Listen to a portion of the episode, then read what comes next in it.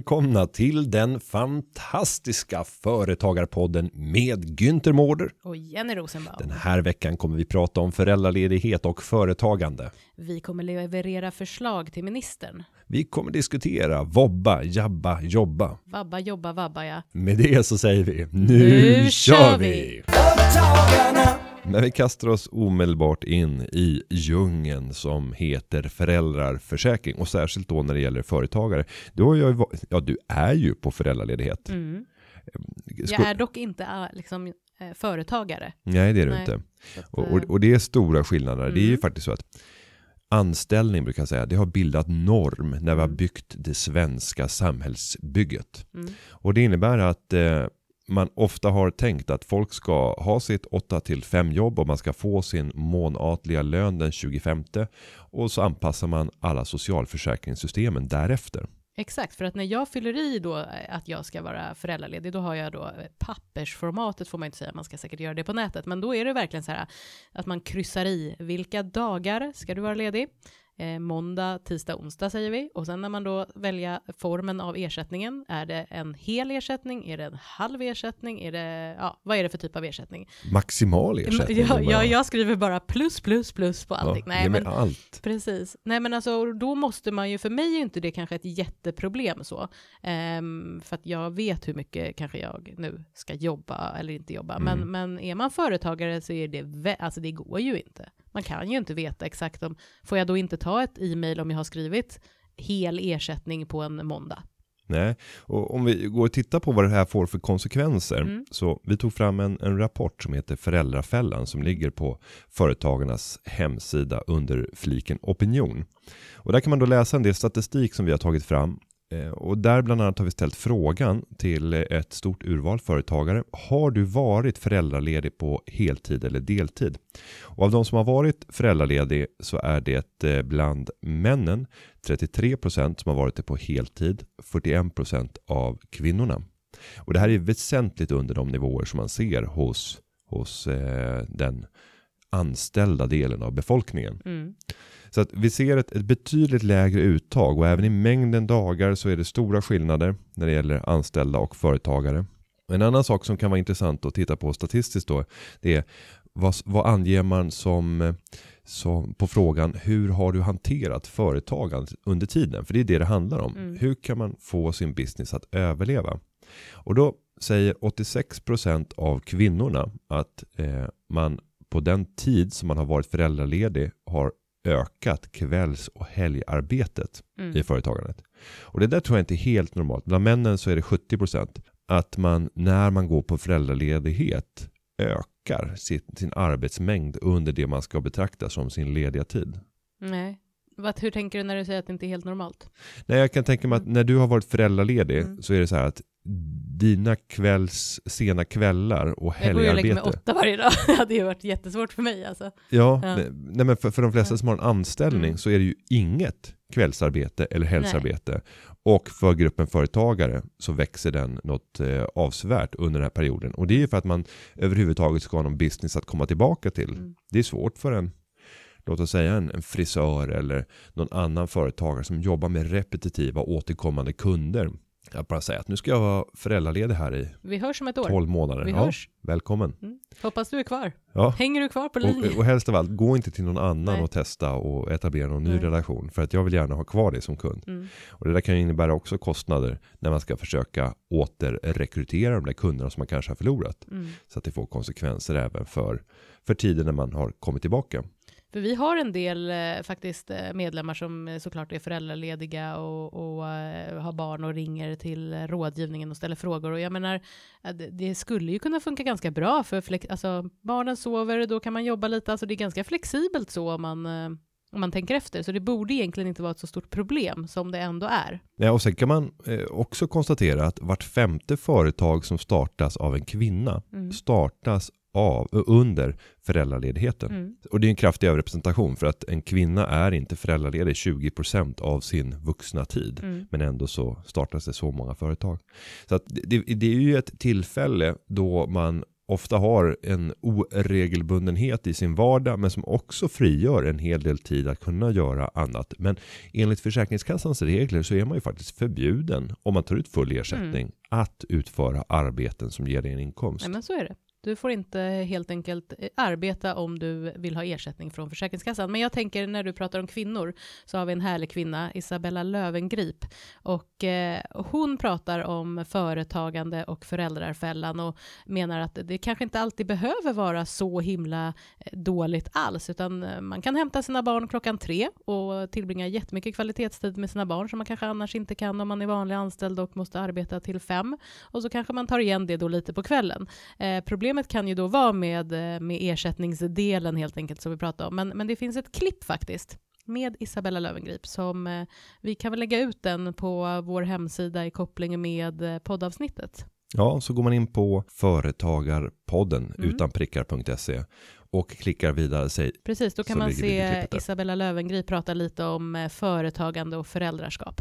Sen kan man också fundera över den här ansvarsfrågan. När Mm. man tar föräldraledigt, kan ansvar ta föräldraledigt? Jag tänker på de rollerna där man eh, inte är er, man är inte ersatt på grund av, av arbete och nedlagd tid utan på grund av ansvaret som man tar. Det kan ju vara i rollen som vd. Eh, ofta så har man ju då någon som går in i dennes ställe Mm. och verkar. Men om du tar. Ja, men om du istället tar i styrelsen. Mm. Jag är ju ordförande i ett bolag som jag själv är delägare i, men där är två andra som är de operativa krafterna och så ytterligare två anställda. Mm. Och i det läget, om jag skulle vara föräldraledig i ett halvår och sen skulle det inträffa saker som gör att det här företaget kommer egentligen på obestånd. Man borde ha upprättat en kontrollbalansräkning för man har ätit upp majoriteten av det egna kapitalet. Mm. Och eh, det gör inte jag. För att jag är föräldraledig så jag vet inte Ja, om att det här händer. Men det är ju synd om dig då. Ja, eller hur? Ja. Men, men, och, och då blir det ju ansvarsgenombrott om man kommer som Mm. styrelseledamot och särskilt då som ordförande att få ett ansvar gentemot företagets förpliktelser. Om det är då står du där med händerna i luften och bara, prata inte med mig, Nej, jag är föräldraledig. föräldraledig. Ja. Jag var borta ett halvår här. Ni får prata med någon annan. Ja, och föreställ dig i världen av, eh, så här, för det man hade kunnat göra då, det är ju att faktiskt ändra i styrelsen under den Mm. perioden. Det är förenat med kostnader, för varje gång du ändrar en styrelse så ska du registrera det hos Mm. Bolagsverket. Eh, Förhoppningsvis så gör du det enkelt via e-lägg på verksamt.se, en toppentjänst. Tack för att ni stöttar Företagarpodden. Vi har inga sponsorer, men det känns Men bra. det hade varit fint att säga så. Ja, att Mm. staten hade sponsrat Mm. oss. Eh, Men i det läget så är det ganska lätt för oss eftersom vi, vi är tre delägare i det bolaget. Men om du tänker ett stort bolag Mm. som är publikt upptaget till handel. Om vi Mm. tar Ericsson med hundratusentals aktieägare. Mm. Man väljer in en styrelseledamot. Eh, så Leif Johansson, ordförande. Och sen så ska Leif Johansson, nu är han lite till åren kommen så han kanske inte ska bli pappa igen. Men låt oss säga att han skulle bli pappa och sen så är han pappaledig under ett Mm. halvår hur ska man göra då? Det är ju svårare för då måste man tillkalla alla aktieägare, eller bjuda in aktieägarna Mm. till en extra Det bolagsstämma blir lite mycket för att, eh, så att säga, ta en liten paus.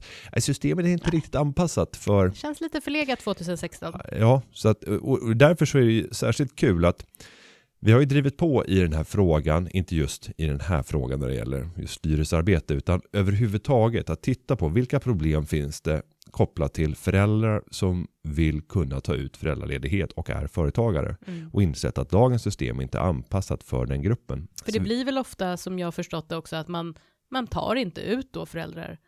Eh, man kanske tar föräldraledigt, men man tar ingen ersättning, för det går inte. Och det här, man vet inte. Man måste liksom veta i förskott hur, man, hur mycket man ska jobba, och det, det går ju inte. Nej, det, det är Eller komplicerat. det är väldigt svårt. Och eh, därför har vi legat på för Mm. att få, få till stånd förenklingar och förbättringar på området. Och den här rapporten som vi släppte, Föräldrafällan, den släpptes eh, för nästan precis ett år sedan. Och då sammanfattade vi ett antal punkter som vi tror skulle kunna förstärka föräldraförsäkringen. Mm. Ska jag Ja, men, läsa upp ja, dem? För de är ganska, ganska korta och koncisa, ganska enkla åtgärder egentligen. Tillåt företagare att driva viss verksamhet i sitt företag under föräldraledigheten. Mm. Bra. Se över hur den sjukgrundande inkomsten bestäms för företagare. Bland annat genom att Försäkringskassan ska ha tillräckligt kompetens för att göra rättvisande bedömningar och vara skyldiga att ge bindande förhandsbesked om storleken. Mm. Du, det där, är, det där är intressant. För du vet, det är en viss skillnad om du till exempel startar ett bolag eh, och så har du en enskild firma eller om du startar ett aktiebolag. Det blir en väldig skillnad eh, när det gäller SGI faktiskt. Eh, det är så att när det är en enskild firma, då räknar man två år tillbaka i tiden. Och då gör man något schablonbelopp som man i sig kan tycka är kanske felaktigt, för det kan ofta bli lägre än den lön du faktiskt haft. Men, här kommer det, om du startar ett aktiebolag, då är det liksom noll. Då kollar det inte tillbaka och du kanske inte kommer ha någon inkomst på det sättet, vilket gör att ditt SGI kommer bli väldigt dåligt. Det känns ju inte Så det driver så alltså. Enskilda personer som startar företag om man gör det i samband med Ja, föräldraledighet till ett enskilt företagande Exakt. istället för aktiebolag. Och inget fel med liksom att ha en enskild firma, men det borde ju inte vara några... Nej, det borde vara likartat. Ja, för alla bolagsformer. Ja. Ja, så det där är ju en intressant punkt. Och, och i den här, det här förslaget i rapporten så kritiserar vi ju indirekt här då Försäkringskassan för att de inte har den kompetens som behövs för att kunna bemöta och ge tydliga besked till företagare. Mm. För just den här bristen på förhandsinformation kan ju göra en företagare förtvivlad. Om, Ja. om man vill ha besked och klara och tydliga liksom, besked om vad kommer gälla om jag gör på det här sättet Mm. och på det här sättet. Och så säger man det kan vi inte göra, vi ska fatta ett beslut utan skicka in underlagen så återkommer vi. Ja, precis. Och när man är förälder överlag, eller ska bli förälder, då är ju planeringen av ens ekonomi, för man kommer ju få sämre ekonomi med stor sannolikhet. Den är ju ganska viktig skulle jag säga. Så att om man då dessutom är egenföretagare, det är väl ännu viktigare då nästan att få reda på vad man faktiskt kan räkna med att få ut. Och sen har vi ytterligare ett förslag. Mm. Beräkna föräldrapenningen på fem dagar per vecka och inte på sju veckodagar som idag. Mm. Och det här skulle ju också kunna möjliggöra då en ökad flexibilitet för den enskilda företagaren eftersom man då kan använda helgen till Mm. att arbeta. Ja. Varför ska lördag och söndag räknas in Mm. när man i själva verket inte i sin vanliga anställning förväntas jobba om det inte är ett sånt avtal? Det, är faktiskt, det har jag faktiskt tänkt på, att det är väldigt konstigt att man just kan ta faktiskt varje dag ersättning Mm. istället för måndag till fredag. Men ja, Nästa punkt. Mm. Gör det möjligt att överlåta en viss andel av föräldradagarna på närstående. det är ju bra. Jag tycker det är jättebra. Min mamma, hon skulle ju lätt få de här Ja, och, och, dagarna så mycket som hon arbetar. och, och eh, det är samma sak för, för min del. Mm. Både min mor och min frus mor gör ett otroligt arbete. Mm.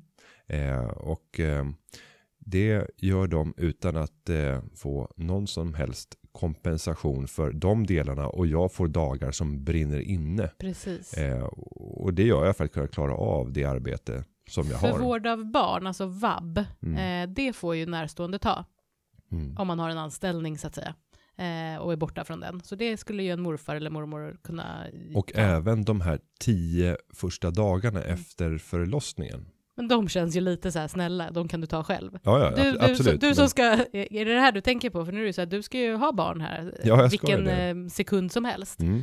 Då tänker du så här, jag skulle gärna vilja att min mamma tog de där tio Mm, dagarna. Kan inte mamma ta dem? Eh, nej, jag, kom, jag kommer Du ska ta, ta dem. dem. Eh, ja, om man skulle gå in och, Mm. och titta officiellt på mig. Mm. Och jag vet inte, är siffrorna från Försäkringskassan officiella? Hur mycket man har tagit ut i föräldradag? Kan någon gå in och granska mig och se? Ja, Hur mycket har Günther tagit ut? man kunna göra. Det är Jag vet inte. myndighet. Ja, det borde vara offentlig Mm, information. Mm. Och då kommer det stå noll dagar whatsoever, trots att jag är tvåbarnsfar. Ja, det, det, är- det är typiskt sett reaktionen i sådana Ja. fall.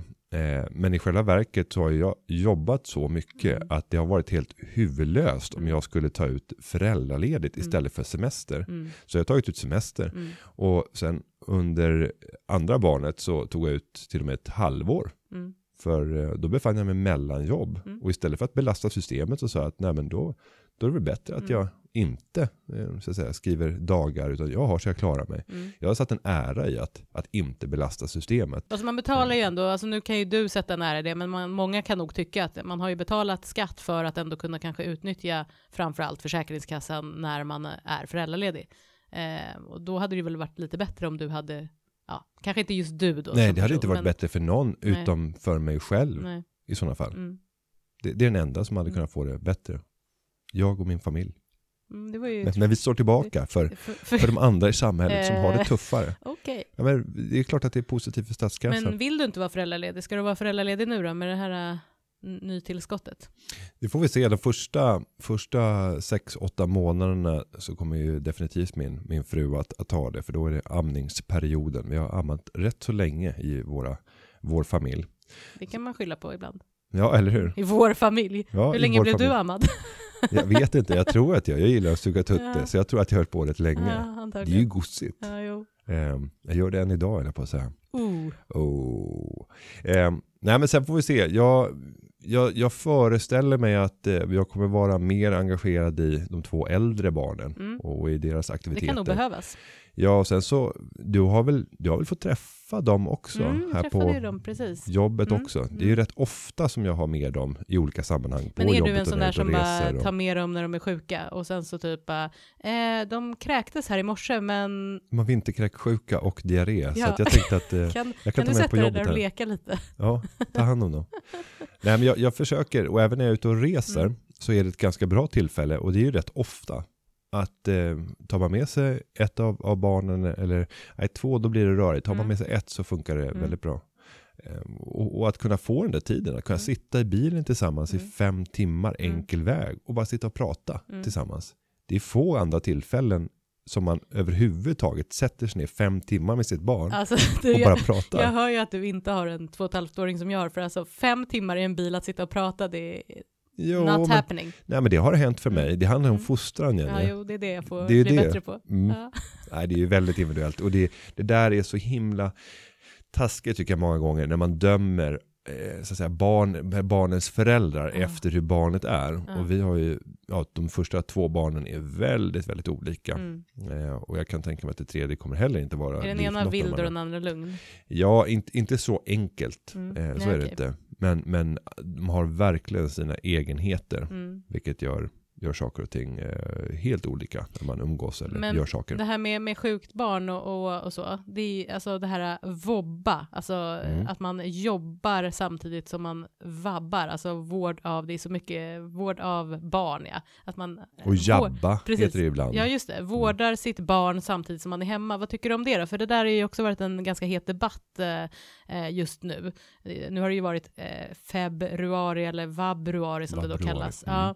Eh, är du för eller emot att jag man är hemma? För, jag är för att man jobbar och Du skapar tycker värde. Personalen, din personal ska vara hemma eh, med ett sjukt barn samtidigt som de jobbar. Nej, Inte det, ta hand om barnet ordentligt. jo, man ska ju ta hand om barnet i, Mm. i på, på, på så sätt som det behövs. Mm. Eh, men Man sätter fram alla- en iPad och eh, Ja, lite kakor och lite glass. ja, Ja. och vara, nej men jag, jag har ju alltid, jag har ju alltid tyckt att det är så otroligt roligt att jobba. Mm. Vi har haft lyxen att få ha roliga jobb där jag längtar. Alltså känslan på söndagen Mm. är fantastisk när man Mm. vet att nu är det äntligen dags för en ny vecka. Mm. Och det är inte alla som känner så. Nej, de flesta känner nog inte så skulle jag säga. Nej, jag såg på en undersökning från TCO där de sa att hälften av deras medlemmar hade egentligen velat byta jobb och Mm. till och med byta bransch. Och då är det så här, men herrejösses, vad håller ni på med? Varför gör ni inte det Mm. då? Ta steget. Och de flesta har nog ekonomiska trångmål Mm. som gör att de har så mycket kortsiktiga betalningar som de har försatt sig i Mm. till följd av sin livsstil. Så de har inte råd att säga upp sig från sitt jobb och kanske gå ett halvår och leta efter en, en ny spännande utmaning i livet där man förmodligen kommer att känna en större tillfredsställelse. Men det kanske inte alltid är så lätt, det kanske beror på också vad man har för jobb. Man kanske inte alltid bara kan byta bana helt på ett eh, halvårs utbildning. Nej, men man kan göra mycket mer än man tror. Mm. De flesta är så otroligt rädda Mm. för att göra stora, liksom Men är omvälvande inte det också, livsval. men det är i Sverige, det är svårt. Alltså blir man uppsagd eller man säger upp sig, det är inte så att man eh, får ett jobb veckan efter eller månaden efter. Det kan ju ta eh, månader, ibland något år, alltså innan man kanske får en ny tjänst. Ja, men jag tror att de flesta, om man bara ser till att skaffa sig en bra grundplattform med en schysst utbildning Mm. som inte är allt för djup och specialiserad. Mm. Hela tiden ser, ser till att odla sina kontakter Mm. från det förflutna. Allt ifrån klasskompisar som man hade på mellanstadiet och högstadiet till kollegor som man hade på sommarjobbet. Mm. Alltså odlar man de här kontakterna och håller dem varma hela Mm. tiden. Och aldrig tacka nej när någon kommer med ett eh, erbjudande och vill diskutera ett, ett nytt bra. jobberbjudande. Vad jag säger det. Alltid säga ja, även om du inte vill ha jobbet. Mm. Bara för att sitta och hålla varm. Och sen få öva på att tala om sig själv, sina egna drivkrafter. Kunna sitta i anställningsintervjuer fast man inte bryr sig. För att jag trivs så bra Det där. känns som att tala om sig själv och, och allt det här. Du har ju inte något problem med det här, men det finns ju många som faktiskt har det. Jättemånga har det. Mm. Och de drar sig för sådana Du gillar det situationer. ju, du gillar det mycket. Ja, ja, det är därför jag alltid tackar ja. Bara för att sitta där i Mm. Ja. en timme och bre ut sig om sig själv Ja, och sin, gå på e- sin egen förträfflighet. varje kafferast du har. Ja, det, söka massa extra, extra jobb. Och gärna så att de är offentliga också. Man ska Ja, söka statliga jobb så att alla vet att man har sökt. jobbigt. Bara för att få y- Du bara, ytterligare jag älskar mitt skriverier. jobb, men jag är alltid lite sugen på att kolla vad som finns där ute. Jo men typ så general, nu när de har sökt en ny generaldirektör för Finansinspektionen. Mm. Och det blir ju offentligt. Mm. Vad hade hänt om jag hade skickat in min, ja, en ansökan och det hade blivit offentligt? Mm. Ja, det är en annan person som har sökt är företagens nya vd. Precis. Nej, jag vill inte ha jobbet, men, men jag gillar rampljuset. Ja, jag- jag, jag gillar att vara i centrum. få träffa intressanta rekryteringskonsulter och dricka gott kaffe. Ja. Nej, jag har Nej. annat att göra. Mm. Men nu ska vi gå vidare och titta på eh, de sista punkterna. Mm. Den sista punkten i vår, eh, vår, vårt förslag när det gäller att eh, effektivisera och förbättra föräldraförsäkringen det är att ge företagare med aktiebolag samma rätt att behålla sjukgrundande inkomst under ett uppbyggnadsskede Mm. som enskild näringsidkare. Precis det som vi var Mm. inne på. De här förslagen har ju vi presenterat då i, i dels rapporten och i en debattartikel. Därefter så svarade Annika Strandhäll omedelbart Mm. På Aftonbladet Debatt tror jag att det var. Vändande post. Ja, nästan Mm. så. Att hon ville ta tag i det här. Hon ville göra anpassningar i vårt socialförsäkringssystem så att vi hittar en eh, lika behandling mellan företagare och, och, och anställda. Mm. Så att nu har man tillsatt en utredning som ska se över, eh, inte minst då föräldraförsäkringen, för att anpassa inför ett modernare arbetsliv. Det är vi jätteglada för Mm. och den utredningen pågår för fullt nu. Så det ska bli spännande att se hur mycket av det här som de plockar upp. Precis. Vi hoppas verkligen att någonting händer i alla fall, för det måste ju bli mer flexibelt, så är det bara. Och vi ska säga att det har också hänt saker när det gäller Försäkringskassan. Vi gick ut då med en viss kritik mot Mm. eh, Försäkringskassan i den här rapporten. Sen i november så kom Ann-Marie Begler som är deras nya generaldirektör och bokade in ett möte här på Företagarna för att Mm. träffa mig och Patrik Nilsson som ni mötte i förra avsnittet. Och då presenterade hon just den nya satsningen från Försäkringskassan där det finns en företagarservice, Mm. en speciell enhet som tar tag i just företagarfrågor. Så att när man ringer till talsvaret och blir kopplad så kan man bara säga företagare, Mm. företagare så kommer man bli kopplad till den servicen. Sen finns det lite andra avarter. Jag fick höra från en, en kollega som har en mor som driver ett enskilt, eh, en enskild firma och hon hade blivit sjukskriven och det hade gått mer än halva året på eh, det bokslutet som hon var inne i Mm. och, då begärde Försäkringskassan att hon skulle göra ett halvårsbokslut för att redovisa hur inkomsterna såg ut under den första halvan av året så Mm. att det skulle bli mer korrekt. Och då uppstod det ett litet problem där. Mm. Om du nu är sjukskriven, hur tusan ska man som egenföretagare göra ett halvårsbokslut? Det blir ju väldigt svårt alltså. Man får inte riktigt jobba. Nej. Så jag vet inte riktigt hur de tänker. Alltså hela den här världen är är ju liksom- liksom uppbyggd efter ja. att man, ja men det vill bara gå, gå till eh, ekonomen på firman. Red, eller redovisningsassistenten kan ta Knacka, fram det här. knacka på din egen panna och så säger du hallå, vad hände? Nej, det behövs göra saker. Ja. Det är helt klart. Så eh, vi kommer fortsätta jobba Mm, för att skapa ett, en modernare socialförsäkring för företagare. Ja. Nu vidare till eh, frågorna som har kommit in Mm. till Företagarpodden. Då har vi en fråga från Fattiga Riddaren. Det gillar jag, Fattiga Riddare. Gillar du det? Det var länge sedan man gjorde det. Det är typisk 80-talsmat. Ja, Var det ja men det? det kan ju vara faktiskt ganska gott. Men ja, Fattiga Riddaren från Göteborg, han tycker att vi borde ta in en gäst ibland. Eh, någon helt vanlig Svensson-företagare som inte kanske nödvändigtvis eh, har en fingerprintutveckling men inspirerar poddlyssnare.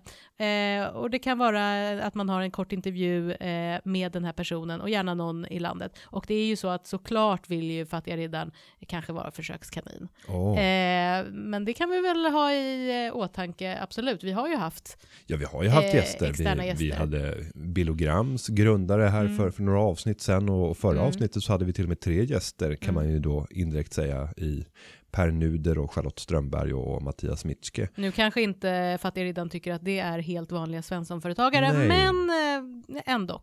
Men eh, Mm. vi kommer säkert Mm. återkomma i, i den frågan. Sen kan jag faktiskt marknadsföra en, en tjänst som vi kommer ta fram inom företagarna till medlemmarna. Och det är att igår så spelades de första klippen in där vi Mm. tar enskilda medlemmar som har varit framgångsrika inom sitt fält. Mm. Som under 3 till 5 minuter får spela in en film för att delge sina erfarenheter och tips för hur andra ska lyckas göra samma sak. Kul. Och de här filmerna, min dröm då, det är att vi ska kunna släppa minst ett klipp i veckan. Mm. Och du som medlem ska kunna bestäm- bestämma när ska du få det här klippet. Och så säger jag, men jag vill börja varje måndag morgon Mm. klockan 08.45. Jag sitter med kaffekoppen, går igenom e-posten. då vill jag ha ett mejl Ja. med den här inspirationen. Ja. Då vill jag lära mig någonting nytt. Eller på söndag, Eller söndag söndag när de flesta kanske är lite trötta förutom Günther Mårder som Mm. inte vill något Som annat än att veckan ska börja. Då kanske man vill ha det här liksom, Peppen. kvällsteet. Ja, så här, kom igen, ny vecka. Och jag tror att den här, den här typen av insats tror Mm. jag kan leda till att vi får fler företagare som ser större potential i sitt Mm. företagande. Och kan vi skapa fler framgångsrika företagare så är det det största vi kan göra. Mm. Jag ska pröva att ställa en, en sån kontrollfråga till dig. Mm. Så får vi se. Det här är oförberett. Oj. Det, för det är ingenting annat i den här podden. Nej, eller hur? Allting är bara, det är bara manus rakt av. Ja. I Sverige så finns det nästan 1 miljon 90 000 företag registrerade. Mm. Hur många av de här företagen har en omsättning som överstiger 100 000 kronor? Ja, men så här, äh, Får jag be ja, precis. ditt svar? Jag tycker också det är så jobbigt när du alltid ska ställa frågor om typ siffror och jag blir så himla stressad och dålig. Och så bara, ja, så Ah, bara, precis. det? Alla som har läst juridik vet att man är inte bra på att Det räkna. var därför man valde det. Ja, det var exakt därför man valde. Man Men hade sämst betyg i matte. Men Ja, men en känsla. Ja, eh, 100 000 kronor i omsättning. Mm, Minst 100 000 Minst 100 000. kronor. Det låter ju för mig inte jättemycket att ha 100 000 kronor i Det är omsättning. väldigt lite. Det är väldigt lite. Jag skulle säga att det är 80 procent. 80 procent Mm. så då pratar vi om, om ja, då över 800 000 upp mot 880 000 Mm. företag. Mm. Något sånt där. 890 000 företag. Och det skulle man ju önska.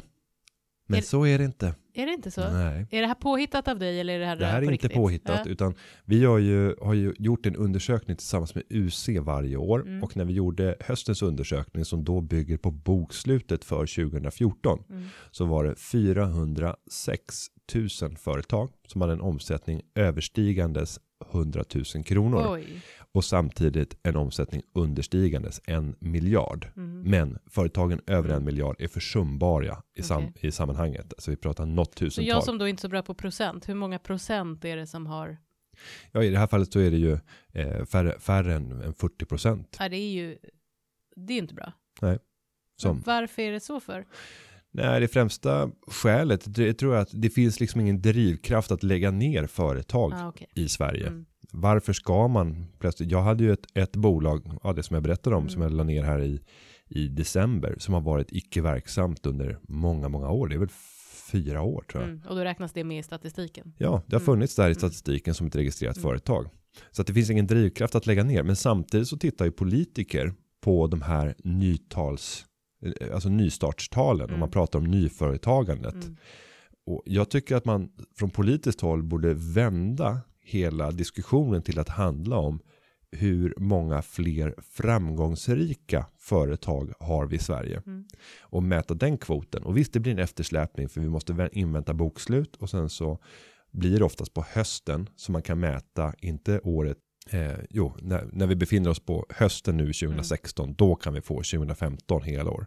Och så måste vi ju veta då vad du, vad du menar med Ja, framgångsrikt och, och då får man ju företag. sätta en, en Mm. definition på Mm. det. Och ett framgångsrikt företag, jag skulle inte säga 100 000 i omsättning. Mm. Jag skulle säga att för att du överhuvudtaget ska kunna leva på ditt företag så måste du upp på en 400-500 000 kronor. Och då, då är det knappt så att Mm. man kan överleva på sitt företagande. Du kanske kan få vara med, ni politiker där ute, om ni vill ha en definition på ett framgångsrikt företag, kontakta Günther Mårder. Ja, Mm. eller försök. Eh, Komma på liksom- det själv. Ja, eller ni kan, jag kan hjälpa till och ta en diskussion om vad, vad handlar om. Mm. Och sen så kanske man ska ha i definitionen framgångsrikt företag. Det är inte, det är inte framgångsrikt bara för att man har en halv miljon i Nej. omsättning. eh, Utan det har nått en viss gräns. Vi kanske ska mäta just hur många av de här företagen som dessutom har en växande omsättning Mm. För det är framgångsrikt. Mm. Hur många av dem som har anställt. För alla politiker pratar jobb, Mm. men man pratar inte om företagare och företagares villkor att kunna anställa människor. Mm. Och skulle man börja jobba med det måttet, det här kanske, vänta nu, Mm. vänta nu, är det här kanske Det någonting vi ska på- köra till valet? Ja. Att börja definiera vad Nej, är är, framgångsrikt, vad är ett framgångsrikt Mm. företag? Jag gillar att jobba raka rör. Framgångsrikt och så har du liksom en underrubrik och sen har du punkter. Definition. Det här är framgångsrikt. Precis. Kort, Tror det eller koncist. Mm. Mm. Ja, men där, nu har vi satt en, en, val. Mm. valplattform inför nästa val, senast 2018. Mm, det är bra. Vidare till nästa fråga. Och då har det blivit dags för mig att få läsa frågan. Ja, varsågod.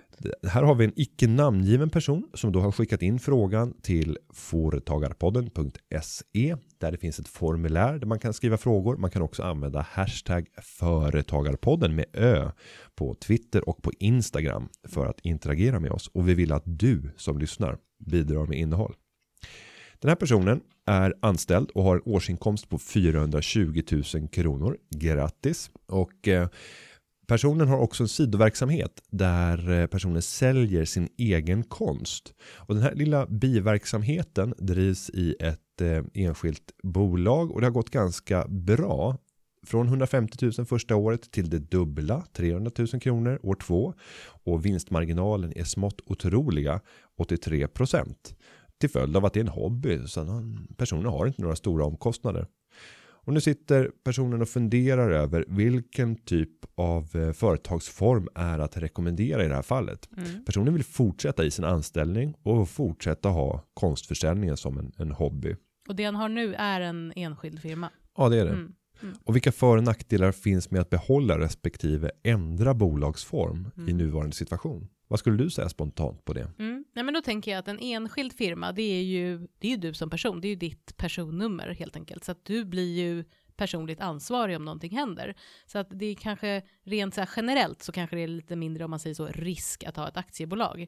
Men, men i det här Eh, fallet, Men i det här fallet, nej, det är inga anställda, det går bra. Ja, 83% i Ja. vinstmarginal. Om personen inte säljer, Nej. det är ju inga stora så här leverantörsskulder. Nej. Förmodligen så köper personen lite tavlor som man dukar som man Mm. målar på. Jag vet inte vad det är för konst, men Mm. det, det är inte några Det stora. låter men det låter ju ändå bra, alltså, och jag, personen har ju en anställning så att man har ju ändå en inkomst så att behöver kanske inte ta ut speciellt mycket lön om ens man tar ut lön från bolaget. Men å andra sidan tänker jag att ett aktiebolag, då kan man ju föra över eh, tillgångarna och sen välja då om man vill ta ut lön eller utdelning och kanske ha det, men ha det som någon typ av spargris då, alltså aktiebolag, att man byter till aktiebolagsform.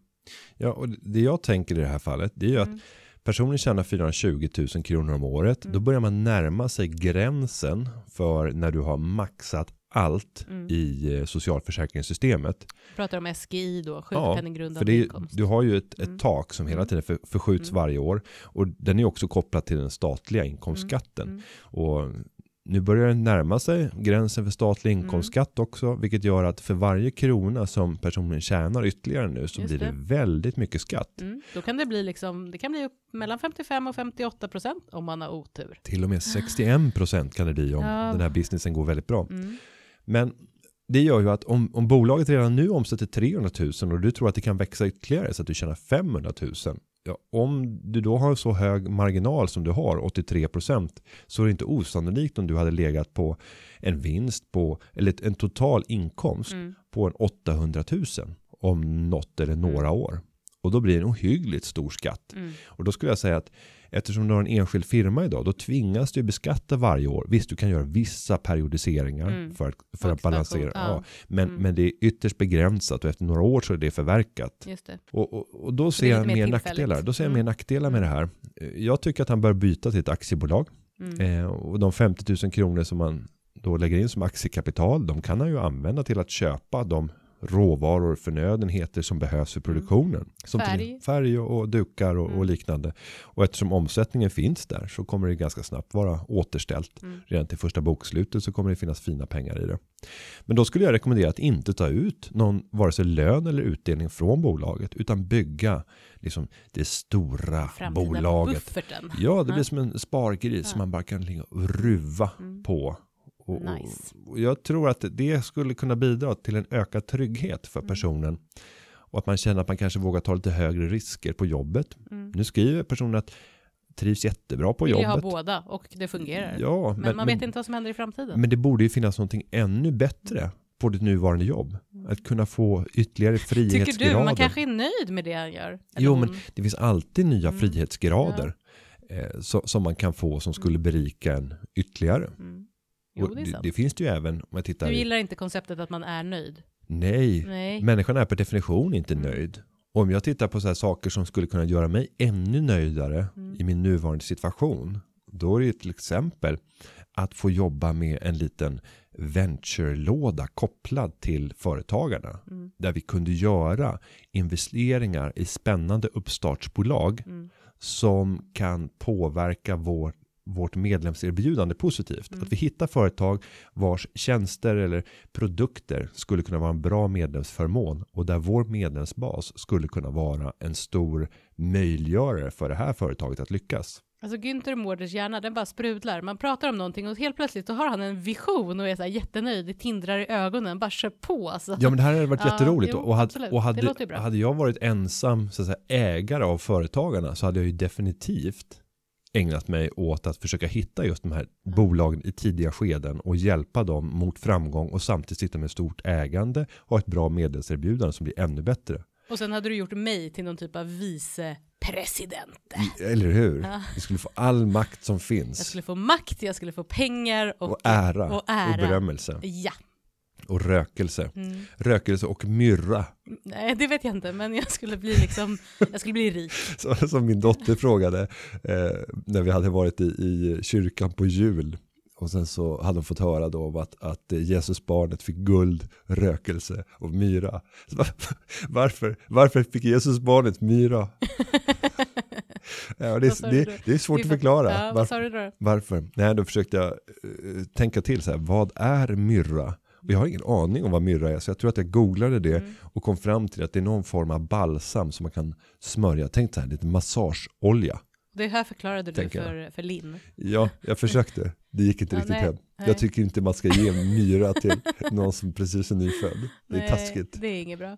Du, eh, tillbaka till frågan. Jag Ja. tror att vi, eh, vi har väl... eh, Vi har väl gett vårt svar. Det tycker Alltså, jag. Mm. Kör aktiebolag, spara pengarna, investera dem på ett klokt sätt. Mm. Och i det fallet så skulle jag säga, men köp några eh, kostnadseffektiva indexfonder och sätt löpande över pengar till det här så att du bygger upp en stor förmögenhet. Mm, lycka till. som du sen kan använda för att kanske förverkliga din stora dröm. Jag vet inte om det är att öppna ett konstgalleri. Tänk om, om den här personen fortsätter med här, 250 000 Mm. i vinst varje år och så efter åtta år, så här, ja men och med investeringarna så kanske det är, ja, vi kanske börjar prata om att det är 3 miljoner beroende på hur börsen går. Mm. Och sen så kunna få köpa sitt eget galleri och få Alltså, anställa en person. Nu börjar du balla ut. Det är liksom, det, det låter mer som din dröm, men eh, det är mycket möjligt. Jo men personen älskar att sälja sin konst. Jo, men eh, personen älskar också att ha kvar sin anställning. Jo, men då kan, man ha kvar, länge. då kan man ha kvar sin Mm. anställning men ändå ha en anställd som delar Mm. samma vision. Så. Sprida sitt Mm. varumärke, Mm, okej. få bli ännu större. Ära, berömmelse, om du vill ha ett rikedom, myra. Ring inte om du vill ha ett peptalk. Ja. Ja, nej, vi går vidare tycker jag. Varsågod, där fick du ditt svar. Jag har en fråga från Niklas i Jönköping. Och eh, i senaste, eller i ett tidigare poddavsnitt så pratade vi om kollektivavtal och semester. Och nu har en fråga kopplad till sin fru som arbetar på ett sjukhus där de har resursbrist. Och därför har hon problem att ta ut sin semester under de perioder då hon önskar. Och då har han, ett antal frågor kopplade till just uttaget av semester som han har förstått det som har rätt till fyra veckors sammanhängande semester under juni till augusti. Men vad gäller för resterande del av semestern? Man kan ju ha eh, både fem och sex veckor Mm. eh, semester i sitt avtal. Kan man ta ut dem när man vill och om man har varit ute i god tid kan arbetsgivaren ändå säga nej till att man vill ta ut semester. Och, och vad är egentligen god tid? Vad är en Mm. bra framförhållning när det gäller uttag av semester? Eh, kan man neka en anställd om man har sökt den här semestern och, och, och tider?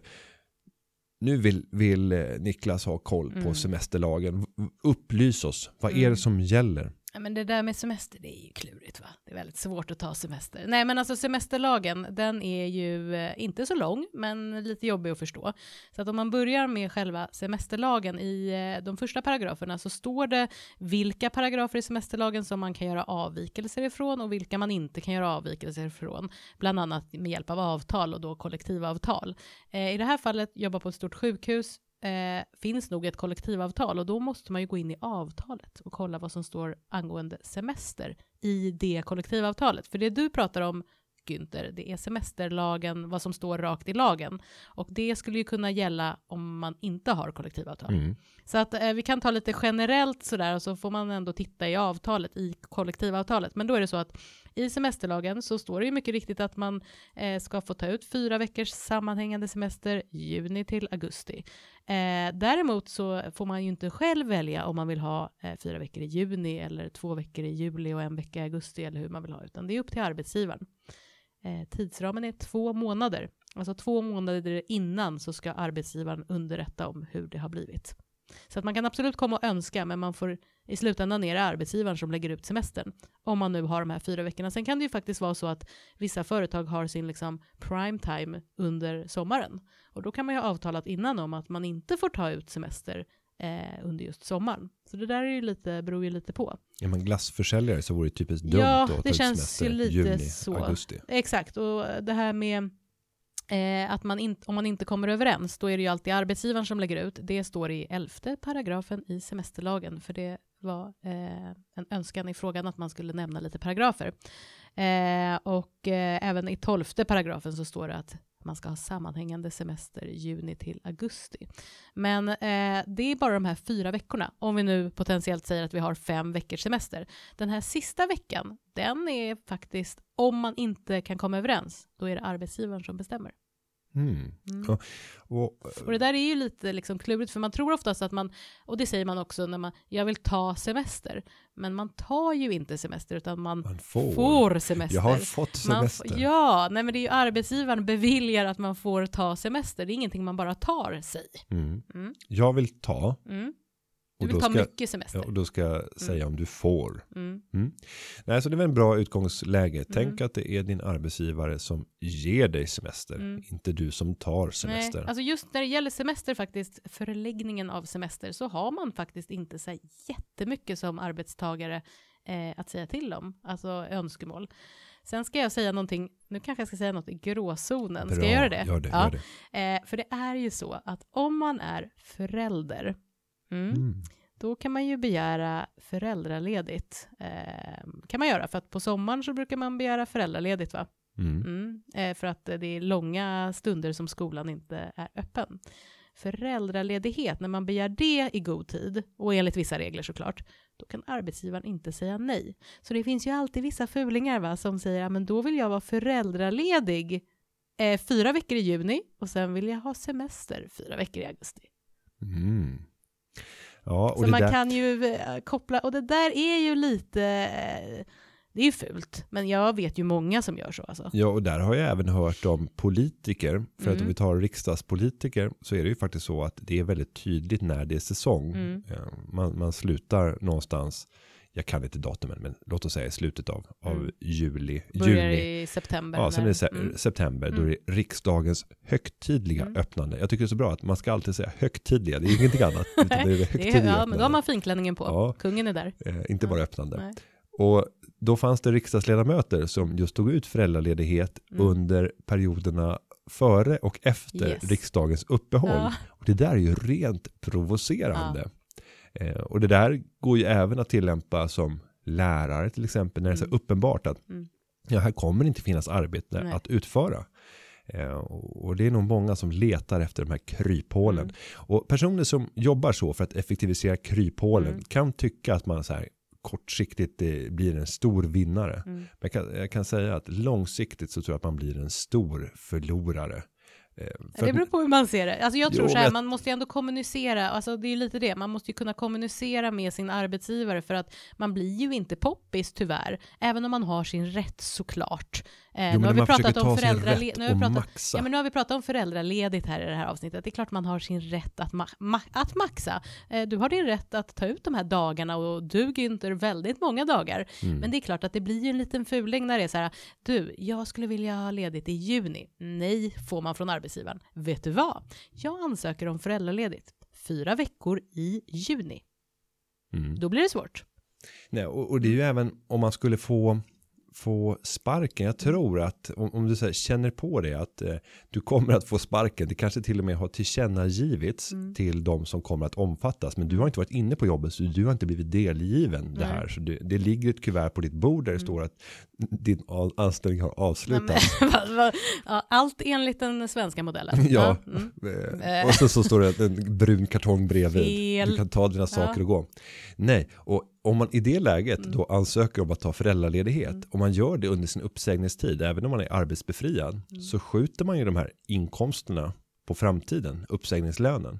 Precis, alltså upp, det går inte att försöka säga, alltså uppsägningstiden eh, börjar ju löpa först när man kommer tillbaka från sin föräldraledighet. Och, och det här finns ju vissa som utnyttjar Mm. för att man vet att om jag nu har blivit uppsagd och jag har ett halvår Mm. eh, som jag har i uppsägningstid för att jag har jobbat länge. Eh, jag vet inte var gränsen går i tio, det tio år då man har ett Mm, halvår. mm, mm. Eh, sen kan man ju avtala ett annat. Annat är precis, och kollektivavtal Ja. kan säga vissa saker. Så. Men då kanske det är så att man går på föräldraledighet Mm. efter, efter en månad från det att man har blivit avskedad. Och sen så Inte man avskedad. nej, Nej. avslutad, Nej.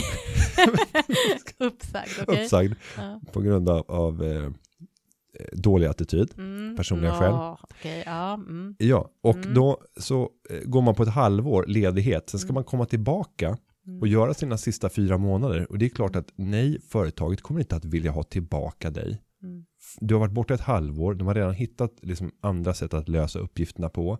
Och att du ska komma in och röra omkring och förstöra i fyra månader för att sen försvinna Mm. ut. Du kommer ju bli arbetsbefriad under den perioden. Men du menar att man blir uppsagd och sen när man har blivit uppsagd då säger man så här nej nu vill jag, för, jag vill vara föräldraledig här. Ja, bara för att försinka. Ja, okej, för att annars skulle Mm. de säkert säga då Mm. att ja, men du får jobba kvar och utföra dina plikter under hela uppsägningstiden.